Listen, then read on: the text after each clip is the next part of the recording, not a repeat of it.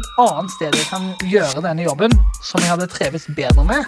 Det er jo ikke det samme å være sykepleier på poliklinikk, på nyfødtintensiv eller på helsestasjon eller i bedriftshelsetjeneste. Wow. Sykepleierutdanningen. Den åpner helt sinnssykt mange dører. Nå kommer det et lite stikk.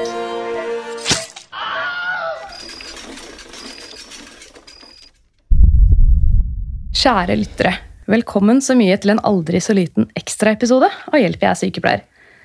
Dagen denne episoden slippes, altså den 17. november, er ikke en hvilken som helst dag. Det er nemlig verdens prematurdag. Denne dagen markeres for å feire de tusenvis av barn som fødes for tidlig hvert år. Som dere kanskje hørte i episode 21 om nyfødt intensiv, så vil et prematurfødt barn, dvs. Si et barn som blir født før svangerskapsuke 37. I Norge ble det i 2021 født 3427 premature barn, ifølge Medisinsk fødselsregister. Kanskje dere som lytter til podden lurer på det samme som meg. Hvorfor blir egentlig disse barna født for tidlig, og hvordan går det med de på sikt? Hvordan blir disse barna og foreldrene fulgt opp? Og hvordan er det egentlig å være prematurfødt når man etter hvert blir voksen? Dette og mye mer skal vi bli klokere på i dag, fordi jeg har plukket en bukett med fine, kloke folk der hver og en skal få snakke om sitt ekspertisefelt når det kommer til premature barn. For første gang har jeg ingen sykepleiergjester, men jeg har med ingen ringere enn barnelege Kristin Brekke, podcaster Kine Albrigtsen, som selv er født i uke 24, og jeg har med Solfrid Stråle Fjallestad, som er mor til en prematurfødt gutt og styremedlem i Prematurforeningen. Velkommen skal dere være! Tusen takk. Uh, det var en lang intro. Jeg ble helt andpusten. jeg. Gått så fort for å komme til tiden. Skal vi bare kjøre på? Hei, Kristin. Hei. Nå vil jeg høre litt jeg, om disse premature. Hvorfor blir egentlig noen født for tidlig? Eh, ja, det er et veldig godt spørsmål, men jeg pleier å slå opp eh, på det sånn annethvert år for å se om det er kommet noe nytt, men egentlig hvorfor det skjer, vet man ikke. Men den største gruppen av dem er det tidlig vannavgang, at riene bare kommer i gang, og så må de komme inn på sykehuset. Hvis man er gravid i uke 23, så må man egentlig på sykehuset for å vurderes når man har liksom litt vondt, eller sånn, for det er ting vi kan gjøre for å stoppe fødsel, eller for å gi lungemodningssprøyte som kan hjelpe babyene dersom de blir født veldig for tidlig eller under 34 uker. Så det er ganske viktig at man er oppmerksom hvis man er gravid.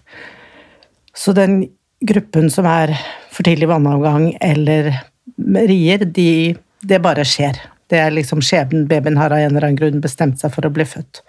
Så har vi en annen gruppe som er også ganske stor, og det er de som blir født pga. preeklamsi eller svangerskapsfriting. Hvor mor gjennom svangerskapet får denne tilstanden, som er egentlig ganske merkelig. Hvor de får høyt blodtrykk og protein i urinen, og så kan babyen ha det dårlig ved at babyen vokser dårlig.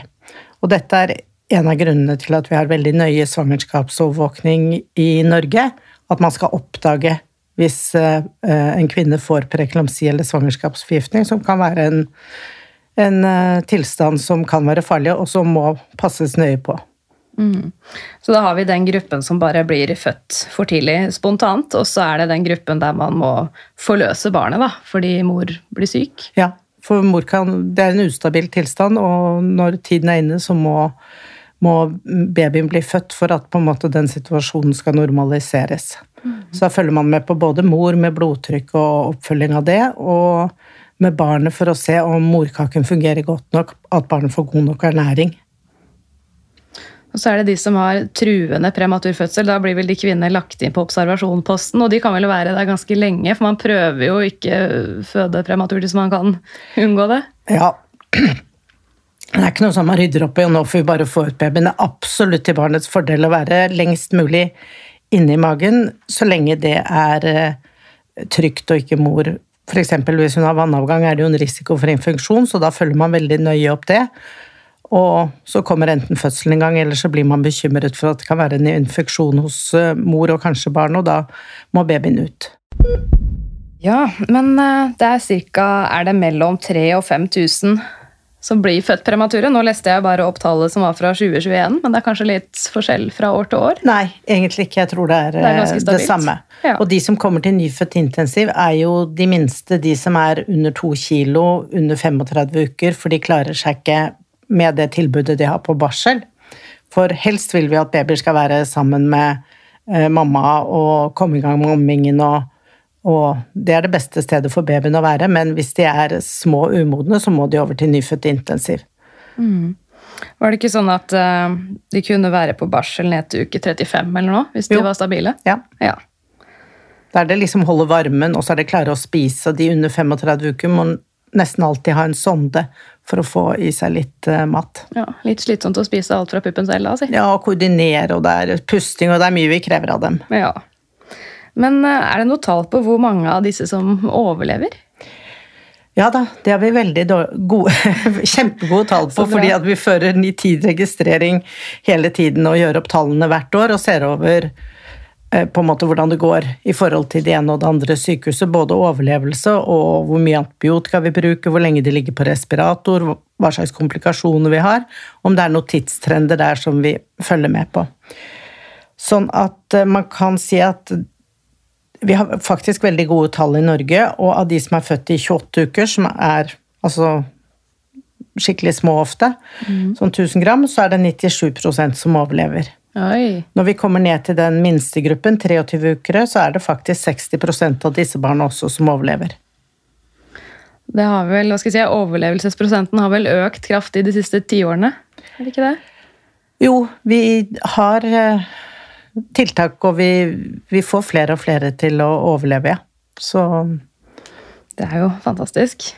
Ja, det er eh, faktisk veldig gøy å være der, og særlig når vi har truffet de barna som kanskje er to kilo når de reiser fra oss og eh, egentlig ikke viser så mye reaksjon, og så kommer de tilbake på tremånederskontroll og er noen skikkelig livlige, flotte babyer som ser helt strålende ut. Så det er utrolig morsomt.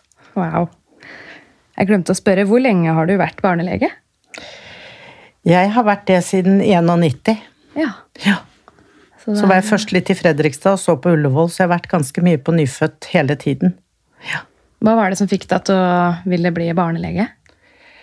Jeg, jeg var, jobbet som pleiemedhjelper på Ullevål på forskjellige avdelinger mens jeg var student. og Da likte jeg veldig godt å jobbe på barnekirurgen. Der hadde vi ofte de barna med pylorustenose, og det var liksom så morsomt å lære dem å spise og se hvordan de kommuniserte på den helt ferske måten når de begynte å lære seg det.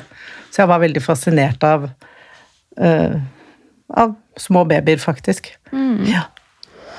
Men uh, hva slags undersøkelse og behandling er det de premature får da på nyfødt intensivavdeling? Uh, ja, det største problemet, hvis vi snakker liksom om de ordentlig premature, de aller minste, f.eks. under 1000 gram, som er de mest kompliserte. De som er litt større, trenger litt hjelp med pusten sin, ofte litt CPAP, litt trykk i nesen, mm. litt ekstra oksygen, og så sondeernæring, og så går det bra. De som er under 28 uker, trenger ofte å vurderes om de må på respirator, eller om de kan klare å puste selv med støtte, eh, lite grann CPAP. Mm. Uh, så det er liksom hovedproblemet deres.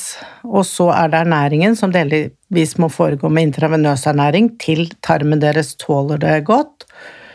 Og tarmen klarer egentlig overraskende nok å fungere fra babyen er da 23 uker. Får de litt grann eh, melk eller bankmelk eh, i denne sonden og fordøyer det. Så det går veldig, eh, veldig ofte bra etter en overgangsperiode hvor vi først må gi dem nok ernæring intravenøst for at de skal ha litt å gå på. Vi kan jo ikke liksom kutte navlesnoren og kutte den ernæringen som morkaken har gitt, uten å tilby noe annet. Så vi har en sånn godt, god plan eh, og gode prosjekter for hvordan vi skal gi intravenøs ernæring til babyene. Mm, så da blir det på en måte gradvis mindre intravenøs mat og gradvis mer peroral mat? Ja. Mm. ja. Da håper vi ofte at mammaen har klart å komme i gang med eh, litt melkeproduksjon, så når hun kommer ned med sine to milliliter, så kan babyen få den melken. Mm. Kjempebra å få den ferske melken fra mammaen. Etter hvert utover i forløpet så er ikke ren morsmelk nok for de premature babyene, som da kanskje skal vokse fra 500 eh, gram til 3500 gram, så de trenger litt ekstra tilskudd med eh, mineraler og proteiner og litt forskjellige ting. Så det har vi sånne faste tilsetninger som vi må gi til den melken. Snakker vi FM85? FM85 er en favoritt blant uh, nyfødtsykepleiere. Proteinpulveret til babyene, for å se. Gainer. Alle som har drevet med litt kroppsbygging, vet man trenger litt ekstra yes. protein, og det unner vi jo de babyene når de skal ligge der og puste og streve. Uh, noe de egentlig skulle sluppet av hvis de hadde vært værende i mors liv. Ja, men det husker jeg fra Nyfødt intensiv, at de fikk overraskende mye av de kosttilskuddene som jeg vet mange i fitnessmiljøet driver med. De fikk koffeintilskudd, og så var det det proteinpulveret, og så var det noe sånn eh, olje. Hva er det den heter igjen? MCT-olje. MCT-olje, ja, ja. Stemmer. Mm. Nei, Vi passer veldig nøye på dem og tror det er viktig for eh, den videre utviklingen til babyene. Nå slo det meg bare at kanskje noen som hører på denne poden, tenker hæ, får de koffein? Er ikke det litt tidlig med kaffe? Kan du fortelle hvorfor de premature får koffein? Ja, Koffein har vært brukt i mange år, og det har veldig god respirasjonsstimulerende effekt. For en del er at lungene er litt dårlig utviklet. De har også litt dårlig drive til å puste. Og når vi gir dem koffein, så går det mye bedre. Det er faktisk en av de tingene i nyfødtmedisin som det er gjort mye studier på, at babyene trenger det og tåler det, og har faktisk god effekt av det på hjerneutviklingen. Jeg tror faktisk kaffe er litt inn igjen. Altså ikke, ikke altfor mye for oss heller, da. Men uh, ja, at det er litt sunt igjen. Så bra. Er, uh, jeg klarer ikke å slutte med kaffen. Nei. Kan ikke slutte med alt. Du er, du er jo sykepleier, så Nemlig. Alle her nikker og tenker at jeg er enig med det. Men kan vi snakke litt mer om morsmelk, fordi den må vel testes for noe? Noe virus og sånt, må det ikke det? Det er egentlig bare til de aller minste. Det er litt komplisert, for altså CMV-virus er en virusinfeksjon som 70 5% kanskje har hatt. Ja, det er cytomegalovirus? Cytomegalovirus, ja. Man har ikke noe forhold til det, for det er en infeksjon du hadde kanskje i ungdommen, kanskje du var syk, kanskje du ikke la merke til det i det hele tatt. Det er herpesfamilien, er det ikke det? Virusklassen. Ja. Så, så, det er bare noe som alle har eller får, nesten alle, da. Hvis mor er så heldig at hun ikke har hatt å ha CMV-negativ melk, så kan man gi den til de minste barna under 26 uker. Mm. For de har såpass stor risiko for ø, lungesykdom at da må man liksom minimalisere all risiko. Og da pasteuriserer man melken dersom mor har hatt en CMV-infeksjon tidligere i livet. For det viruset er på samme måte som vannkopper og herpes, at det kan reaktiveres og skilles ut i morsmelken. Så da er vi forsiktige. Men ellers, mors egen melk pleier å fungere kjempefint. Altså. Ja, så CMV det bare, kan være farlig for de aller, aller minste, men ikke for ja. de født i termin, eller ja. ja. Ikke sant. Men uh, hva slags uh, informasjon og oppfølging gir du til foreldrene, da? Som får seg et sjokk når denne lille kommer til verden så altfor, altfor tidlig? Ja. Eh, hva de får på forhånd, det kommer litt an på. Ofte er det ganske eh, brått at de kommer inn på sykehuset og har ikke så god tid å forberede seg. De får en lungemodningssprøyte og hører at den er bra for dem. Og så må vi egentlig kanskje holde motet oppe og si at vi er her og vi stiller opp når babyen kommer. Og så prøver vi å gi litt informasjon om hva som skal skje videre. Kanskje mest det praktiske med at de ligger i disse kuvøsene som egentlig bare er en boks som holder en passende temperatur for den lille kroppen. Og at de må ha litt ting og få litt ekstra oksygen og en god del måling og overvåkning og sånt noe. Eh, så mens de er der, så tar vi en ordentlig samtale og begynner på den prosessen og lærer dem opp i hva premature nyfødte trenger. Og det er jo et ganske stort område, og det er noe som folk flest ikke vet noe om. Vanlige sykepleiere aner ikke hva som foregår hos oss, ikke leger heller. Så det er liksom den gjengen inne på avdelingen som kan dette. Ja, det er en hel lukka verden. Ja, og de foreldrene som har vært der i to-tre måneder og lært veldig mye om hva som skjer med små premature. Ja, jeg husker jo når jeg var helt fersk det året jeg jobba der. De foreldrene de kunne jo mye mer enn meg. Så jeg lærte mye fra foreldrene. Ja, ja, absolutt. Men det er en, en god sikkerhet for babyene de, at de har våkne, friske, aktive foreldre som følger med og vet hva som foregår. For de er jo tross alt der mer 24 timer i døgnet enn det vi er, som bare jobber 8 eller 19 mm. timer. ja, det blir jo ekspert på sitt eget barn. Ja. Mm. Men det, disse små de er jo utsatt for Det er noe greier med øyet, og så er det noe med hjernen. Kan ikke du fortelle litt om det? Eh, jo, hjernen er jo umoden og fortsatt under utvikling. Og så har de jo disse åpne fontanellene hvor vi lett kan gjøre ultralydundersøkelse og se på Det er noen væskefylte hulrom inni, og i akkurat veggen rundt der kan det lett skje en liten blødning. en hjerneblødning grad 1, 2, 3 eller 4. Det høres jo veldig skummelt ut, for hjerneblødning er jo noe man assosierer med eldre mennesker som får lammelser og sånt. Og det er, ikke, det er ikke sånn i det hele tatt hos babyene, men dette er noe som kan bli eh, komplisert, og som vi må følge med på.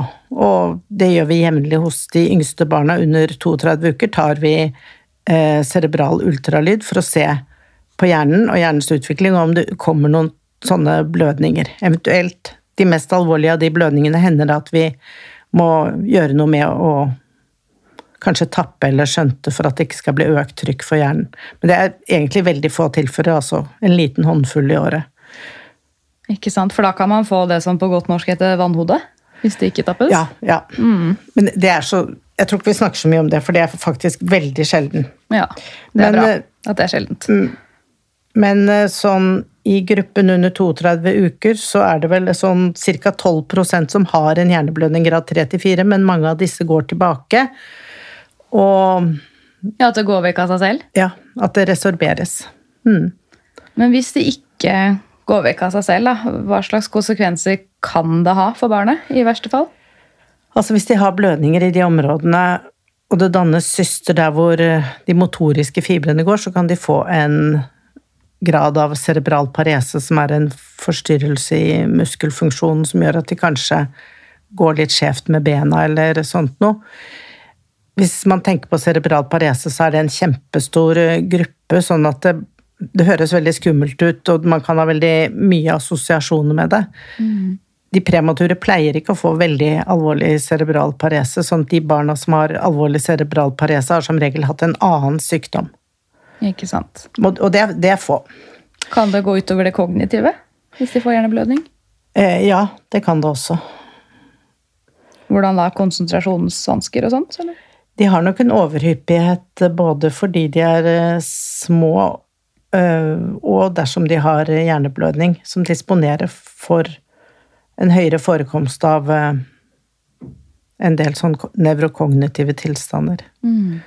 Så det prøver vi å følge opp Eh, og vi har et oppfølgingsprogram for barna under 28 eh, uker, under 1000 gram, hvor de blir eh, testet av fysioterapeut og snakker med lege og nevropsykologisk testing sånn underveis. Så bra.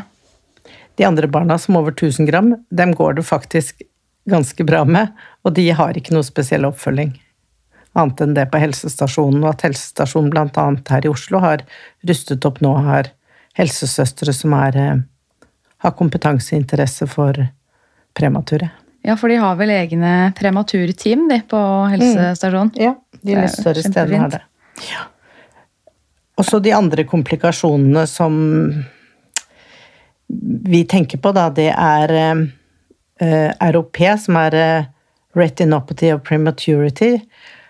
At eh, barna Eh, blir født altfor tidlig, og da må øyet utvikles i et miljø med mye mer oksygen enn det egentlig var ment for, og det kan gi en ugunstig karutvikling. Og hvis det kommer kar inn i, inn i øyet, så, så, får man ikke sett. Sånn at det er veldig viktig å passe på hvordan den karutviklingen skjer. Så når barnet er sånn fire-fem uker gammelt, så ser øyelegen og undersøker om det er noen tegn til eh, denne ROP. Og hvis det er det, så kan de gjøre noe med det, enten med å injisere noen stoff som hindrer karutviklingen, eller eh, laserbehandle. Men så lenge vi nyfødtleger passer på at de kommer til øyelegen, og de følger opp jevnlig, og det er helt til kanskje frem til termin, så går det veldig bra med dette også. Vi har veldig lite ROP i Norge, og det er bl.a. for at vi følger retningslinjene for å gi akkurat passe mye og lite oksygen til barna, sånn at de ikke ligger med kjempemye oksygen, for det er ikke gunstig for dem. For sånn var det vel mer i, gamle dager, at de fikk masse masse oksygen, og så endte noen av dem opp blinde? Ja, ja. Det, altså kuvøseblindhet var, eh, var en entitet på Eh, på sånn 70-tallet, tidlig i nyfødtmedisinen. For det som skjer, er at de kan få netthinneløsning? hvis det går ja, for langt? Ja, både netthinneløsning og at noen av de karene begynner å blø. Og, altså, du skal passe på de karene når de får et spesielt mønster, og sette i gang de tiltakene. Dette er øyelegene kjempeflinke på. Mm. og altså, Hvis noe kunne vært unngått av blindhet, så da, da står de skikkelig på, de øyelegene. Så det setter de sin ære i at det skal ikke skje på de babyene de passer på. Så bra. Så det er jeg veldig, og jeg er veldig fornøyd med de sykepleierne som passer godt på babyen og gir dem passelig mye, eller passelig lite, da, oksygen. Så de skal ligge på en sånn metning mellom 90 og 94% De trenger ikke å være helt oppe i 100% hele tiden. Nei, det overraska meg litt, for med voksne så vil man gjerne at de skal ha så høy metning som mulig. Mens på de små da er det sånn nei, de, de skal ikke ha så mye. For det er de ikke vant Nei, til, rett og slett. Nei, det er det ikke. Og ikke blodårer vokser som ugress. Det virker som det er det som skjer hvis man blodårer i øyet. Ikke bra. Nei. Ehm, Så er det også en balansegang med å gi dem mat og ernære dem godt, og passe på at tarmene fungerer, at det ikke kommer symptomer som tyder på en sykdom som er nesten det vi hater mest, og det er nekrotiserende entrokolitt, hvor babyen blir utspilt i magen, kanskje det blir hull på tarmen, kanskje det blir luft opp i lever, altså kanskje babyen må opereres for en tarmtilstand, og at deler av tarmen er ødelagt. Eh, Og det kan være veldig dramatisk, og det har vi ikke barnekirurgisk team på for de aller minste barna på Ullevål, så de reiser opp til Rikshospitalet hvis de får sånne symptomer. Det hørte vi jo for så vidt om i den episoden om nyfødt intensiv. Men det var én ting som vi ikke snakka om da, og det er hyperbilirubini. Ja, Julesott, akkurat. på ja. godt norsk. Ja, det er et av mine yndlingstemaer. Hør litt om det. Det er ikke ja, det er at når barna er nyfødt, så har de, fordi de har litt lavere oksygenmetning eh, inni mors liv, så har de ganske høy blodprosent, og når de kommer ut, så er det så brytes disse røde blodlegemene ned, og et avfallsprodukt av det, av det er bilirubin. Eh, Og det er i en sånn form at eh, du ser det. De blir gule i huden. Og den kan behandles med, med lysbehandling, med blått lys, som gjør at bilirubin omsettes. Leveren, som egentlig skal omsette denne bilirubinen, klarer ikke helt å henge med når, når babyen er nyfødte. Så hos de små babyene, de premature, er det oftest sånn litt eh, langtrukken forløp, kanskje på sju til ti dager, hvor de trenger å være i lys i tolv timer, og så ut igjen. Så vi må passe på det her, for det er på samme måte som å gi for mye oksygen. Det blir veldig feil hvis vi ikke følger retningslinjene og gjør det som er bra for babyene. Da kan de få hjerneskade, og de kan få hørselsskade, og de kan få en alvorlig form for cerebral parese, noe vi ikke ser i Norge i dag. Jeg tror jeg kjenner på de over 30 årene jeg har jobbet med dette, bare en håndfull tilfeller fra Norge med øh, hjerneskade pga. bilirubin. Det er bra at det ikke er vanlig å få, men da har man vel ganske sånn Man tar jo så mye sånne blodgassprøver Ja, hvor man får den uh, bilirubinen. Men det er vel de mørkhudede barna, så er det vel vanskeligere å se hvis de får gulsott. ja, Sånn se med det blotte øyet. ja det vil være mer kanskje terminbarnproblem. Ja. Hvis de blir sendt hjem fra barsel øh, dag 1, 2, 3, ikke sant, så kan det skje en utvikling i den bilirubinkonsentrasjonen som kan være litt vanskelig å fange opp. På sykehuset kan vi gjøre transkutanmålinger hvor vi bare måler det med en sånn alle de febermålene lys På hoden, som blinker. ja. Mm. Men eh, det er absolutt viktig å følge med på og få dem raskt på sykehus hvis de er alvorlig gule, og behandling.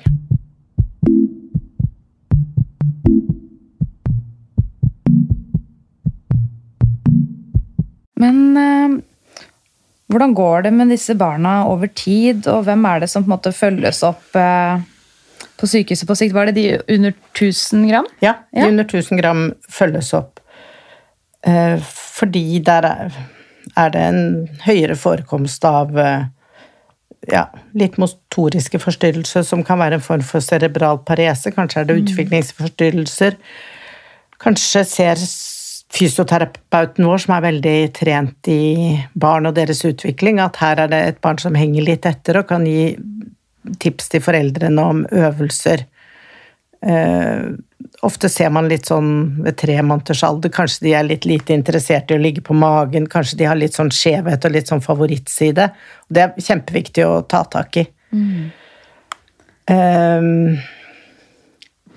nå skal det sies at veldig mange av de pasientene vi ser igjen på poliklinikken sånn, er eh, skikkelig fine unger, altså på tross av at de har vært gjennom veldig, veldig mye mens de var på sykehuset. Så bra.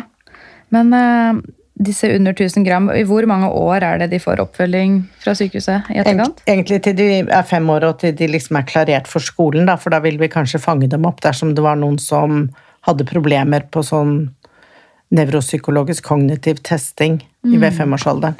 Ikke sant? Så, men det er, det er jo en trygghet, da. Ja, så man er det veldig hyggelig for oss å se dem igjen og, og se litt resultatene av det vi har gjort. Vi følger jo opp Oslo-barna, mens mange av de barna vi har under 1000 gram, er eh, fra andre sykehus, fordi eh, de minste under 28 uker kommer til universitetssykehus eh, for å bli født, for at de skal være på et sted som har nok erfaring, stort volum. Det har vist seg at gir best resultater. Du kan ikke liksom spre en par premature ut på alle nyfødtavdelinger. Det er antagelig ikke bra nok. Altså, det er fint for dem å ha kompetanse når det plutselig skjer noe, men eh, stort sett så er det best for babyene å være på et sykehus som har mange premature og gode sykepleiere som er flinke til å følge dem opp. Ja, absolutt. Det er utrolig mye detaljer i den eh, nyfødte eh, sykepleien som foregår de ukene de er der. Så det må man ha holdt på en stund for å kunne alle triksene. Absolutt. Ja. Da tenker jeg kanskje at vi skal gå over til Kine sin del. Hvis ikke det var noe mer du gjerne ville snakke om, Kristin? Nei, det var bare én ting at noen ganger når vi snakker om resultatene med hvordan det går fra premature, for premature, så er jo det eh, stort sett store epidemiologiske studier. Så, og den kan man ikke bruke på enkeltpersoner, sånn at på en måte jo, risikoen er større. Men akkurat for denne babyen så må vi bare se på hvordan det går med den. Og det blir mer en, en anekdote, en historie, og, og sitt eget liv, liksom. Det er sant at de skal sammenligne seg med seg selv, da, og ikke Ja. alle andre følge sin egen kurve Ja. og så videre. Og, og noen av studiene er litt gamle, så jeg har godt håp om at noe av det vi gjør nå med f.eks. mer kenguru og mer sånn foreldretilstedeværelse kan være bra. Og det som er mitt hjertebarn, det er bedre ernæring av de premature med bedre tilpasset ernæring, tilstrekkelig ernæring, sånn at de har god vekst i den perioden de er hos oss. Er viktig, altså. Ja, Så dette har vi også gode studier på, så det kommer mer resultater om noen år. Mm. Det gleder jeg meg til å sjekke ut når resultatene kommer. Hei, Kine! Hei, Nå vil jeg høre litt om deg og din historie, for du var født i var det uke 24. det stemmer. Ja. ja. Hvorfor ble du født så tidlig, da? Det var jo litt som Kristin sa i stad, det vet vi jo ikke. Um, fødselen starta, eh, og da var det jo ikke så veldig mye annet å gjøre da, enn å Da var det ikke så veldig mye annet å gjøre enn å føde. Um, Ja, For dette var ja, spontan prematur fødsel? ja, det stemmer. Så det var ingen foregående sykdom og ingen andre, andre store varseltegn eller noe som gikk galt, da, annet enn at fødselen starta. Hvilket år var dette? Det var i 1994, så jeg er eh, 28 år eh, veldig straks. Ja. Så jeg var eh, 685 gram. eh, var nede på 620 gram cirka. Det er lite. Det er lite. Du har tatt igjen fødselsvekten nå, da. Det stemmer. eh, det stemmer. Men jeg var liten eh, lenge. Um, eh, mamma kunne fortelle at jeg begynte å gå da jeg var 15 måneder. Da veide jeg 6,5 kilo. Um, så det, det tok jo tid, da. Tok tid å, tok tid å vokse, og det, det gikk sakte. Men nå kan du både gå og snakke og lage podkast. Det er kult. Det er kult. Heldigvis da i en alder av 28, men, eh, men Det er ikke alle som lager podkast, da. Det er sant. Det er det ikke. Ok, Men eh, åssen gikk dette forløpet? Du var vel kanskje på sykehuset ganske lenge? Ja, jeg er født eh, 1. desember. Eh, Mamma hadde termin 19. mars påfølgende år. Um, så det er jo da nesten fire måneder for tidlig. Eh, Var, eh, eller jeg er født på Rikshospitalet. Var der i ca. én måned før jeg var to måneder på Drammen sykehus, som var nærmere der hvor jeg vokste opp. da. Så det var jo en, en reise fullt av mange problemer. Um, mamma fikk uh, to lungemodningssprøyter før jeg ble født. Jeg hørte også i forrige episode at dere snakka om denne Apgar-scoren. Apgar-score. Har du din Apgar-score et sted? Ja, jeg hadde Apgar-score på 3, 5, 7. Ja. Um, det sier kanskje deg mer enn det sier eh, meg nå, da, sånn umiddelbart. Den blei høyere på slutten, og det er det viktigste. Det er det viktigste. Ja. Um, ja, jeg har hatt eh, lungeblødninger, jeg har hatt eh, hjerneblødning, sepsis, mye infeksjon. Jeg har også operert for sånn duktuslukking, som dere også snakka litt om. ja, det derre hullet mellom pulmonalarterien og aorta. Var det riktig? Kristin? Ja, liksom, En liten karforbindelse som er viktig i fosterlivet, og som skal stenges eh, etter fødselen, men så må man noen gang hjelpe til litt med det. Ja, For den vil ikke lukke seg hos deg av seg selv? Nei, og da var det jo også på gamlemåten, da. Så det er en, en eh, delt ryggmuskel og en sene som er kappa av, og det var ikke noe, Nei, ikke noe inn gjennom, eh, innom lysken på den Oi, tida. oi, oi. Mm. Har du arr nå? Jeg har et kjempestort eh, arr som ble veldig stygt og vondt, så det er arrkorrigert eh, på plastikkirurgisk eh, senere. hvor er det? Det ligger nesten akkurat der hvor du har BH, så det, ligger, det er kanskje 30-35 cm langt. Oi. Ligger fra nesten rett under liksom, utkanten av puppen, på en måte. Og så bakover til nesten midt på ryggen, da. Ja, det er såpass. Mm. Men ja, Du husker vel ikke akkurat noe av det her selv? Dette er ting du har blitt fortalt? Det er, jo, det er jo litt sånn det er å være prematurfødt. Da. Det er jo ofte en sånn historie som jeg har blitt fortalt. Jeg har alltid visst at jeg er prematur. Det, det har vært noe vi har snakka om, men, men det har kanskje ikke betydd så mye. Jeg har liksom ikke klart å, å sette meg helt inn i det fordi jeg husker det ikke. Um, så det er egentlig andre som har ja, mer sakte til meg. Det er sånn, Senest nå på lørdag så var jeg på en konsert eh, sammen med mamma. Og da kommer det en eh, dame som hilser på mamma, og så sier eh, mamma ja, hei, eh, og dette er dattera mi. Og så sier hun dama å, det er du som var så liten da du ble født! og det er en sånn standard ting som jeg har fått høre, at ja, jeg var liten da jeg ble født. Og så er jo ja, informasjonen om hvordan det har gått, hva som har skjedd, og, og konsekvensene noe jeg har reflektert mer over når jeg ble eldre og når jeg begynte å bli voksen. Da, at jeg har vært mer nysgjerrig selv på hvordan, hvordan foregikk det her, hva hadde det å si, hva betydde det for meg. Men merka du noe liksom forskjell på deg og de andre på skolen da dere vokste opp? Um, ja, det er et godt spørsmål. Uh, egentlig ikke. Nei, Du begynte, du hadde ikke noe sånn forsinka skolegang? eller noe sånt? Nei, jeg var, eh, jeg var jo eh, ganske ung, da, siden jeg var født i desember også, seint på året. eh, Da jeg begynte på skolen, og har alltid prestert godt. Jeg har liksom klart kommet meg fint gjennom hele skolegangen og ikke hatt problemer med konsentrasjon eller ja, noen av de tingene man vet er forholdsvis vanlig. da. Ehm, så jeg har ikke følt meg noe annerledes pga. det. Jeg har vært lav og har fått høre det, men, men det er mange i familien min som er lave òg, så det er ikke sikkert at det bare var prematuritet som var årsaken til det. Nei, jeg var overtidsfødt, og jeg er litt lav, jeg òg. Ikke sant? Det kan, det kan skje hvem som helst. Det, det kan det. Mm. Men jeg mener husk at du fortalte meg en gang at lungekapasiteten din den er ikke helt 100 Den er ikke helt 100% den er mer sånn 70 aktig. 70% Ja, Um, Det er jo noe som skjer når man får mye respiratorbehandling. Så får man jo den BPD-sykdommen, da, eller tilstanden, eller du må gjerne korrigere meg hvis jeg Kristin, hva står BPD for? Det står for bronkopulmonal dysplasi, og det er eh, noe vi ser når vi har gjort det vi må gjøre med de små babyene. Ha dem på respirator og overtrykksventilere og gi ekstra oksygen. Så skader det lungene. Men som regel så vokser det til mye friskt vev ettersom barna vokser. Så de fleste klarer seg sånn ganske bra, da. Men hvis man undersøker, så ser man nok at eh, det det er litt redusert, sånn som du sier. Ja, jeg kan merke det sånn Jeg blir fortere eh, andpusten når man går opp en trapp eller når du trener eller et eller annet. Um, så sånn særlig kanskje um, høyintensitetstrening, da, intervaller og sånn, er ikke min greie, for da får jeg rett og slett ikke henta meg inn igjen fort nok. Da jeg får rett og slett ikke puste, så det er det som, som stopper det. Eh, men jeg har vært gruppeteaminstruktør på treningssenter i flere år, så jeg har liksom fått til mye, mye likevel, da. Det er kult, da. Um, så det er Jeg merker det, men det, det hemmer meg jo ikke sånn veldig mye i hverdagen. Egentlig. Men eh, ok, du har vært instruktør, men kunne du på en måte, kunne du drivet med toppidrett, eksempel?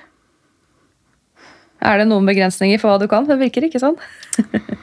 Toppidrett Ja, jeg har ikke prøvd, da, så jeg, jeg kan jo ikke love noe. Men, men eh, jeg vil jo tro at um, at lungene kanskje vil begrense meg, da, for det er der det stopper. Det er sjelden at jeg blir sliten i musklene, f.eks. Jeg får jo veldig høy puls, fordi eh, sånn jeg har forstått det, i hvert fall, så må jo pulsen, eller hjertet da, jobbe hardere fordi lungene ikke tar inn nok oksygen. Um, ja, når man blir så andpusten, på en måte. Så, så jeg har ikke forsøkt, men jeg har heller heldigvis kanskje ikke drømt om toppidrett. da. Nei. Mm. Nei, det er Noen kan drive med toppidrett, mens andre kan lage podcaster. Ja. Jeg er også litt mer podkastjente enn toppidrett. Ikke sant? Jeg holder meg til det. Ja. Men uh, du har jo laget en episode selv i din egen podkast om det å være prematurfødt. Men du savna litt forskning på spesielt ett felt. Kan du fortelle litt om det? Ja, ehm, det er jo mye som skjer når man er prematurfødt, som Kristin også har sagt mye om. Eh, for å si litt om bakgrunnen hvorfor jeg lurer på det, da, er at jeg har jo eh, slitt med psykiske lidelser i, i, mange år. Jeg har vært eh, i psykiatrien som inneliggende og eh, poliklinisk pasient de siste 10-12 åra. Eh, jeg har slitt med primært eh, depresjon, angst og spiseforstyrrelse, som er en ganske sånn vanlig kombinasjon, da, at de kommer sammen. Um, jeg tror jo for det var lett for meg å velge en spiseforstyrrelse fordi mat alltid har vært vanskelig. Som jeg tror er fordi at jeg har blitt født prematurt. da. Fått veldig mye sondemating etter klokka. Eh, mamma sier at jeg var kanskje tre-fire år før jeg sa at jeg var sulten. Som kanskje sier noe om mat, altså sultmetthetsregulering. Mm det er en del sånne ting som jeg tenker at kanskje ja, Vi vet kanskje ikke helt nok ennå. Hva, hva kommer av, uh, av, hva, og hva kan man gjøre med det? Uh, når jeg sier at jeg er prematurfødt i psykiatrien, så får du litt sånn tomme blikk fordi vi vet ikke helt egentlig hva det betyr. eller hvordan vi kan... For Har de egentlig spurt deg noe om når du ble født? og sånt? Du har vel vært under noen utredninger i psykiatrien? går ut ifra? Ja, ja, eh, drøssevis. Ja. Um, Nei, egentlig ikke. Det går vel et slags sånn skille mellom somatikk og, og, psykiatri ofte. Hvor man er litt sånn redd for å blande det, eller ja, kanskje blande seg inn i andres fagfelt, eller uh, um... Jeg syns det er rart at de ikke spør mer om det, fordi jeg også har jo vært litt i psykiatrien. Det er en egen episode om det, holdt jeg på å si. Men jeg var det eneste gangen jeg har blitt spurt under utredninger om jeg ble født i termin eller ikke, det var da jeg var under ADHD-utredning. Mm. Uh, fikk ikke diagnosen, da, men jeg fikk høre at jeg hadde høy verbal IQ, så da begynte jeg å lage podkast. Ikke sant. Godt folk. Mm. Um, nei, så det er rett og slett at jeg er liksom nysgjerrig på om man kunne fått noen, noen tiltak eller noen, um, noen ting som hadde kunne hjulpet mer. da. Uh, for jeg tror sånn Statistisk sett så har man vel større sjanse for å bli ufør for eksempel, når man er prematurfødt. Um, og, hva, hva kan man fange opp, hva kan man finne ut av? Um, hvordan fungerer det? Uh, jeg vet at det kommer ny forskning hele tiden. men det er liksom når jeg har vært interessert i da, og tenkt sånn, hva, hva, er egentlig sammenhengen her? Hvordan kan man hjelpe de aller minste barna eh, på en best mulig måte? Og at jo mer, uh, jo mer man vet, og jo mer flere vet, så, så er det liksom lettere å tilrettelegge og lage noen ting som fungerer bedre. da. Så det er jeg rett og slett eh, nysgjerrig på. Ja, kanskje du må begynne å forske selv? Kanskje, ja. Nå er det jo verdens prematurdag rett rundt hjørnet. Iallfall når denne episoden slippes, så er det verdens prematurdag. Så hvis noen vil gi noen midler og starte en studie til Kine, så kjør på. yes. Er det noe mer du har lyst til å fortelle om, Kine, før vi hopper videre til neste ledd i denne episoden? Mm, jeg tror alle vi kunne snakka kjempelenge. Det er jo masse, masse å si noe om. Um, det som er viktig å si, er vel at det kan gå veldig bra. Jeg tror Det så jo ganske mørkt ut en, en stund. For deg? Uh, ja. Mm. Når du får et så, så, lite barn med så store utfordringer, da, som å være så lenge på sykehus, som har så mange, mange behov. Um, og, og jeg vet ikke, Det kan jo sikkert også foreldrene som er representert her i dag, si noe mer om hva, hva tenker man at skal skje, men, men det kan gå, gå, ganske bra. Da. Det er jo Ja, jeg har psykiske ting som jeg strever med, men som jeg jobber med, og som jo blir, blir bedre. Men, men, det går jo stort sett uh, bra med meg, da. Og at det er mer en sånn historie som jeg har blitt fortalt, og så Ja det, jeg, jeg, går ikke rundt og tenker på det hele tiden. Så det, det er liksom, jeg syns det har gått uh, bra, da. Det har blitt folk av deg, si. Ikke sant? Yes. Ja, men takk for at du deler. Jo, bare hyggelig.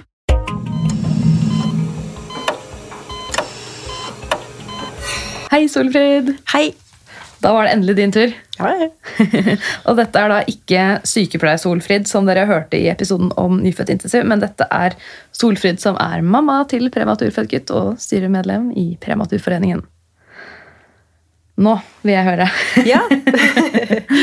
ja, jeg eh, ble eh, plutselig mamma litt før tiden i fjor.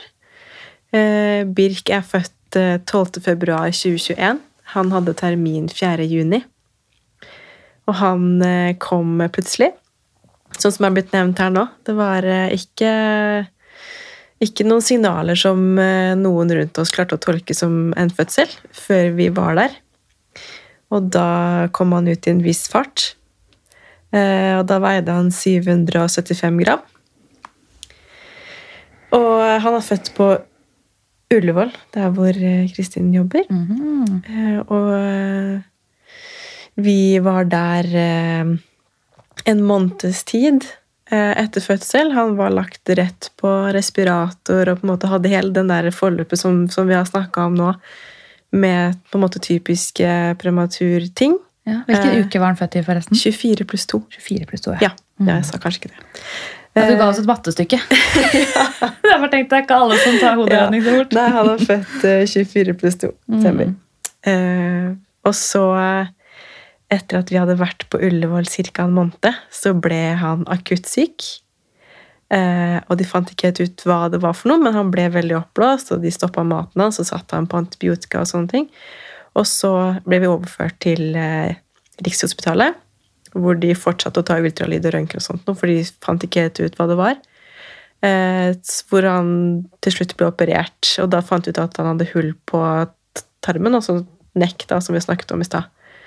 Og da fikk han eh, utlagt tarm, eh, som han hadde fram til august. Så den ble, den ble da lagt inn igjen. Eh, og så kom vi tilbake til Ullevål etter å ha vært på Rikshospitalet i fem uker. Ja. Så han er da tarmoperert to ganger. Oi. Eh, han hadde åpen duktus, men den lukka seg heldigvis selv. For det kan også skje. Og han har hatt eh, Han hadde noe sånn eh, brokk. Lyskebrokk. Lyskebrokk, ja. Mm. Han eh, har vært mye undersøkt for ROP, eh, men det har han ikke. Han skjeler litt i dag, men det kan jo også være arv. Eh, og han eh, Han har ikke lært seg å gå ennå, men det, han blir fulgt opp av fysioterapeut, sånn at det er ingen som er bekymra for det enda. Eh, så han har det egentlig veldig fint, på tross av at han er født såpass tidlig. Han har jo diagnosen BPD, men vi ser ikke noe til den ennå. Men han er fortsatt veldig liten, altså vi, ting kan jo skje. Men hva? Det var mye han har vært igjennom, da. Han har vært et sånt gjennom tidlig veldig sted i mye. livet. Eh, han hadde en veldig dramatisk start, men vi ser jo det og vet det at vi har vært veldig heldige med hvordan det har gått med han. Altså, han er født nesten så tidlig som det går an i Norge. Eh, og han er en eh, lykkelig barnehagegutt Åh. som eh, Han sier mamma og pappa, og Åh. han eh, spiser selv. Og alt kommer ut igjen, og han puster, han har ikke noe apneer. Altså, vi har vært veldig heldige med hvordan han har fått det. Og så vet vi at han er mer utsatt for mange ting, men vi, det er ingenting vi vet at han kommer til å slite med.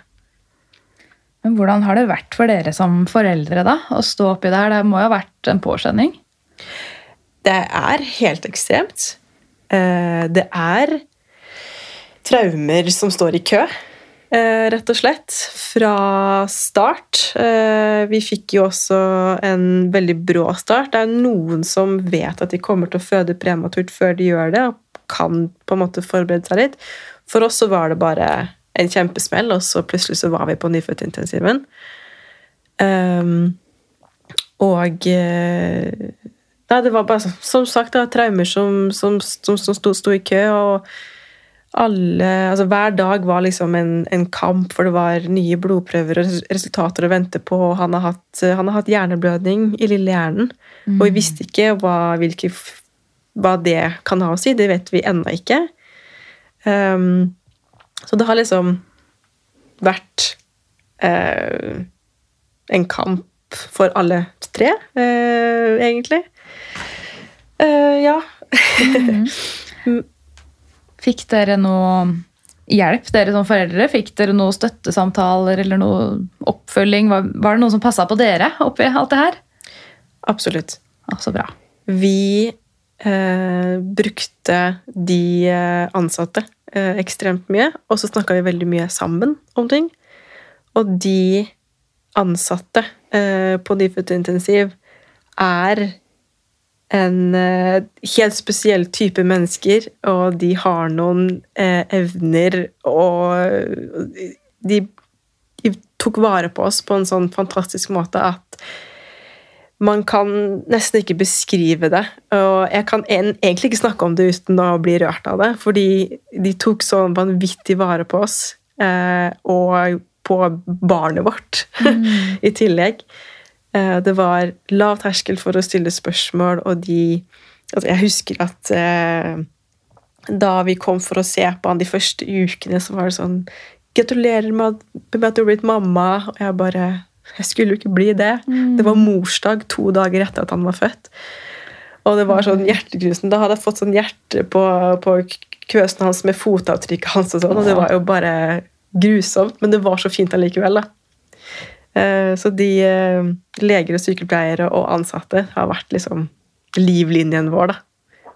Ja, Det er gode mennesker, og de lager så mye fint. Dere fikk vel den der Min første bok? Vi har to, en fra Ullevål og en fra Riksen, og de har vi tatt godt vare på. Ja. Mm. Kina, har du noen bilder av deg forresten fra da du var liten? Det har jeg. Og kan ikke du vise meg det etterpå? Jo, det kan jeg gjøre. Nice. Men ja, dere var gjennom et langt løp. Det var eh, tøft, men dere ble tatt vare på, og nå går det bra med gutten. Ja. Men så ble du med i Prematurforeningen. Ja. Hadde du hørt om Prematurforeningen fra før av? Nei, Nei. det hadde jeg ikke. Eh, Da jeg ble gravid, så var jeg veldig klar for å være det. Da hadde vi prøvd eh, litt, så jeg var liksom sånn superflink gravid som leste om masse ting, og jeg tok fødselsforberedende kurs veldig tidlig og sånn. Og på en måte følte meg klar for ting som kan skje, fordi ting kan jo skje. Du kan få et barn med spesielle behov eller lignende, men det her med prematuritet, det var ikke på kartet i det hele tatt. Det hadde du ikke tenkt på? Nei. Nei, Jeg tror ikke så mange tenker på at det kan skje, egentlig. Med mindre man kjenner noen som har veldig prematurfødt barn, eller Ja, det er, ja, det er akkurat det. Eh, og, men så plutselig så var vi der selv. Og vi eh, var eh, såpass satt ut og såpass traumatiserte, og sånn at vi klarte ikke på en måte, å ta inn noe annet av musikk, medier, nyheter, annet enn å lese om prematuritet. Så vi eh, slukte jo hele Prematurforeningens websider, og vi satt og leste Prematurposten. og vi liksom, Det var det, det sånn eneste vi leste om. Ja, ja, det var bare det vi leste og snakka om. For det var det eneste vi klarte å håndtere. Det var liksom det som skjedde akkurat der og nå. Og i ettertid så har jeg sett det at hvor mye det hjalp oss, og da fikk jeg lyst til å være med og bidra til det her, da. Ja.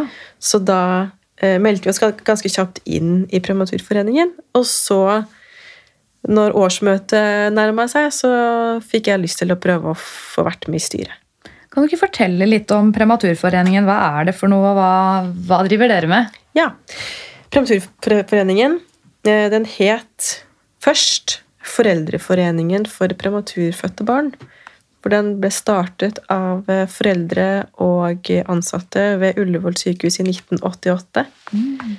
For da så de at det var eh, behov for et erfaringsfellesskap.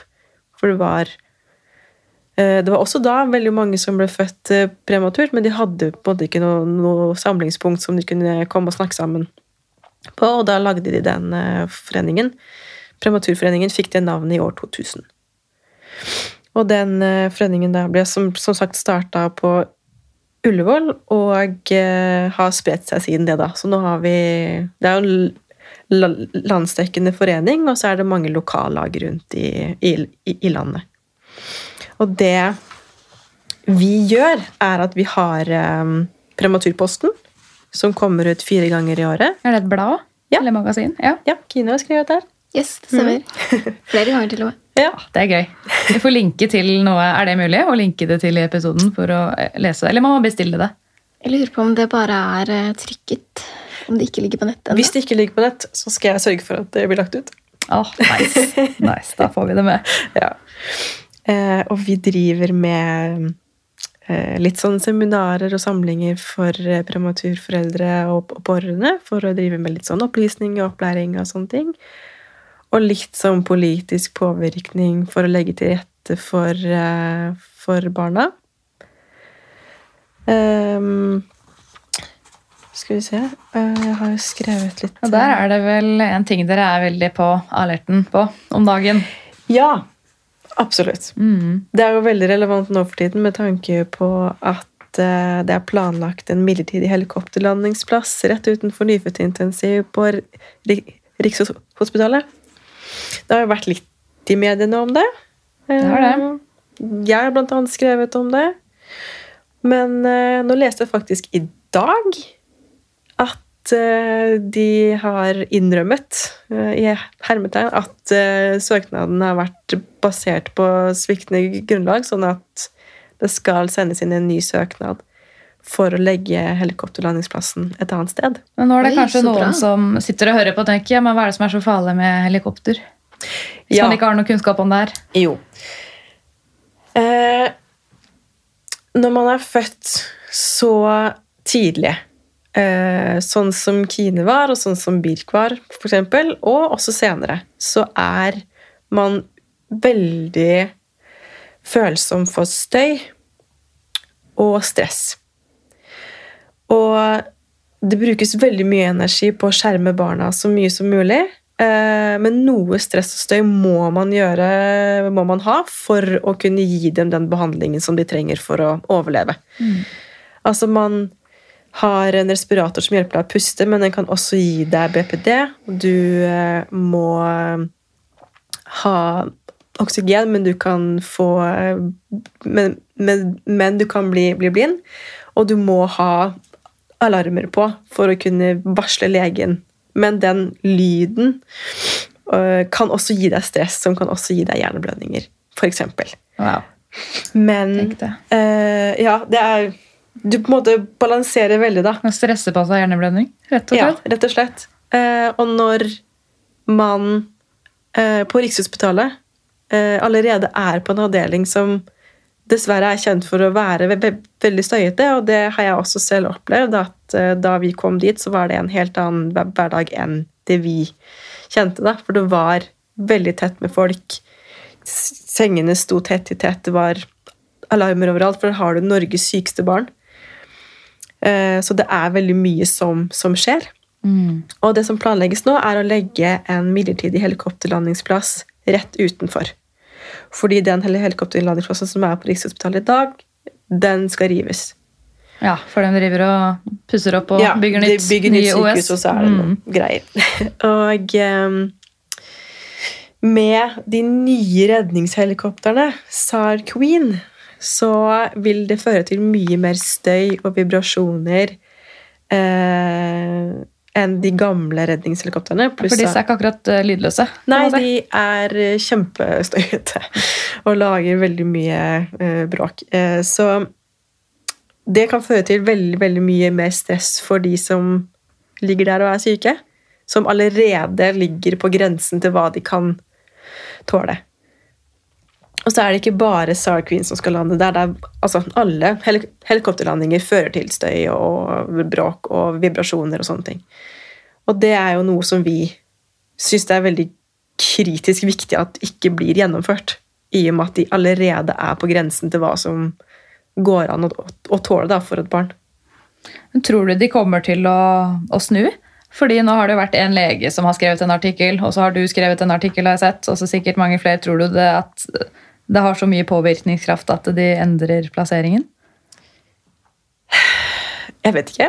Eh, Den artikkelen jeg leste i dag, så, så virker det jo som om på en måte, det er på vei til å snu i riktig retning. Men om avgjørelsen kan omgjøres, det vet jeg ikke. Kristin, har du noen tanker om det? Helikopterplasseringa på Riksen? Ja, det er vi selvfølgelig helt imot, vi som jobber med disse små. Men det er eh, ikke mulig å skjønne hvordan man verken skal få landet helikopteret, eller om helikoptrene er for store til nesten å brukes. Og hele resten av byggingen inne på dette nokså lille området hvor de skal ha hele det nye Rikshospitalet som skal overta for Ullevål, med tillegg av Aker, da. Så det er mange ting her som vi ikke helt skjønner hvordan man skal få til. Altså, Hva er greia med sykehusplanlegging i Norge? Jeg føler at Hver gang det skal bygges et nytt sykehus, eller et eller annet, så er det et eller annet skikkelig negativt som skjer. Det er sikkert mye bra, også, men det er veldig lett å legge merke til det som ikke funker. Men det der er jo ganske krise, da, hvis man skal ha så bråkete maskiner foran rett utenfor der hvor Norges aller mest sårbare små pasienter ligger. Ja, det er veldig kritisk. Og jeg syns det er veldig sterkt at eh, de ansatte også går ut mot ledelsen sin. Viva la revolusjon, sier jeg bare. Vi må tørre, og Dette er ikke Nord-Korea, så her har vi mulighet til å si ifra. Ja. ok, dere, men nå har vi faktisk holdt på en time. Er det noe som sitter inne med noe ekstra som man bare må si? Jeg hadde masse Du har masse, jeg har masse jeg har lyst til å si.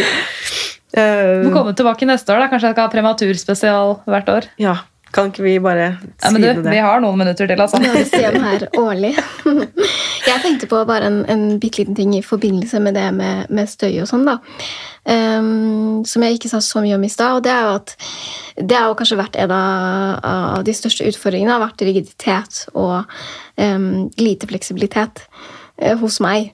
Uh, det har tatt veldig mye tid å bli bedre på, på um, plutselig omgjøring av planer, at det er litt for mye stimuli, den type ting, det, det takler jeg dårlig. Um, og har gjort det hele livet, da. Og det vil jeg tro er, henger sammen med, med prematuritet, da. Mm. Man er vant til dine faste tidspunkter for alt, ikke sant? Ja, mamma og pappa kunne ikke planlegge noe som helst fredag kveld, f.eks. Da måtte alle bare sitte hjemme stille, eh, ro og fred, fordi da var jeg helt ferdig etter å ha kommet meg gjennom en uke med, med barnehage eller skole eller eller sånne ting, da. Eller hvis de sa sånn, ja, nå skal vi dra på, på Kiwi, og så fant de ut at de skulle ha noe på Rema 1000, så vi dra på Rema 1000 i stedet. Det var ikke sjans. Det da ble veldig, veldig sint. Men det tror jeg bare var et uttrykk for, for um, stress. da. Jeg kaller det sånn det blir rot i systemet. Da følger det ikke min, min rutine. Um, og det tror jeg handler om, om det, da, om man er utsatt for mye før man egentlig egentlig skulle vært det, eh, fordi man, man, må da når man er født så tidlig.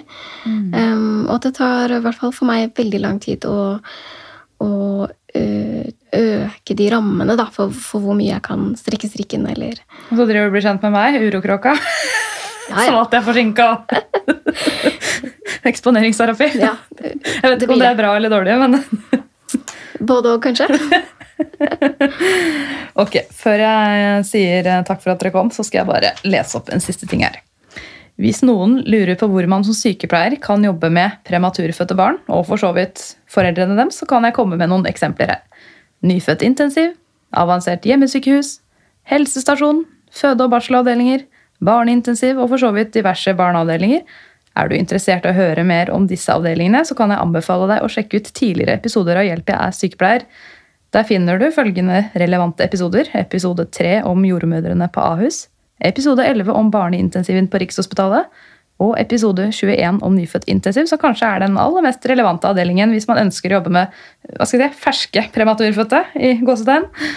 Planen på sikt er å lage episoder om alle disse arbeidsplassene jeg nevnte i sted, men i mellomtiden så håper jeg dere får glede og nytte av å høre på episodene jeg har laget så langt. Kristin, Solfrid og Kine, tusen hjertelig takk for at dere kom og gjesta podden min. Det har vært så stas å ha dere der, og tiden har bare gått altfor fort. Tusen takk. Tusen, takk for at jeg fikk komme. Takk. Får vi ta en ny episode neste prematurdag, kanskje? Jeg er klar. Jeg kommer. Yay! Adios. Ha det. Ha det.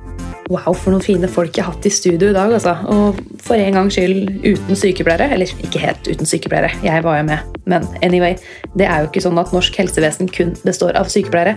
Det består altså sykt mange flere grupper. Det består jo av pasienter, leger, pårørende. Hjelpepleiere, helsefagarbeidere, bioingeniører. Ja, vi er, en, vi er en stor gjeng som må forholde oss til hverandre.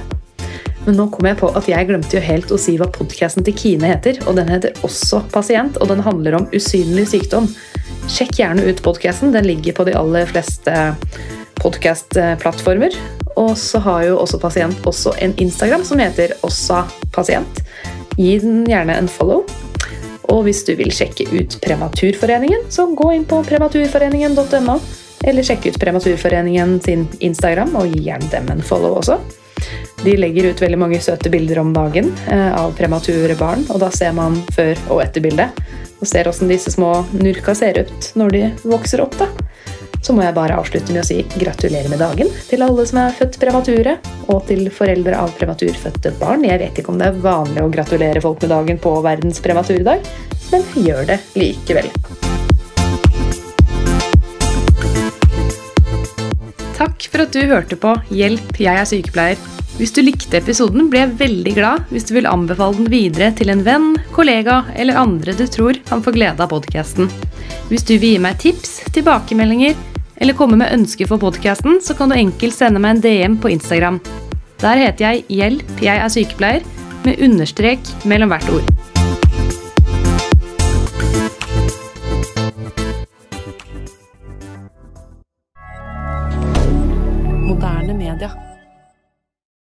Har du et enkeltpersonforetak eller en liten bedrift? Da er du sikkert lei av å høre meg snakke om hvor enkelt det er med kvitteringer og bilag i fiken, så vi eh, gir oss her, vi. Fordi vi liker enkelt. Fiken superenkelt regnskap.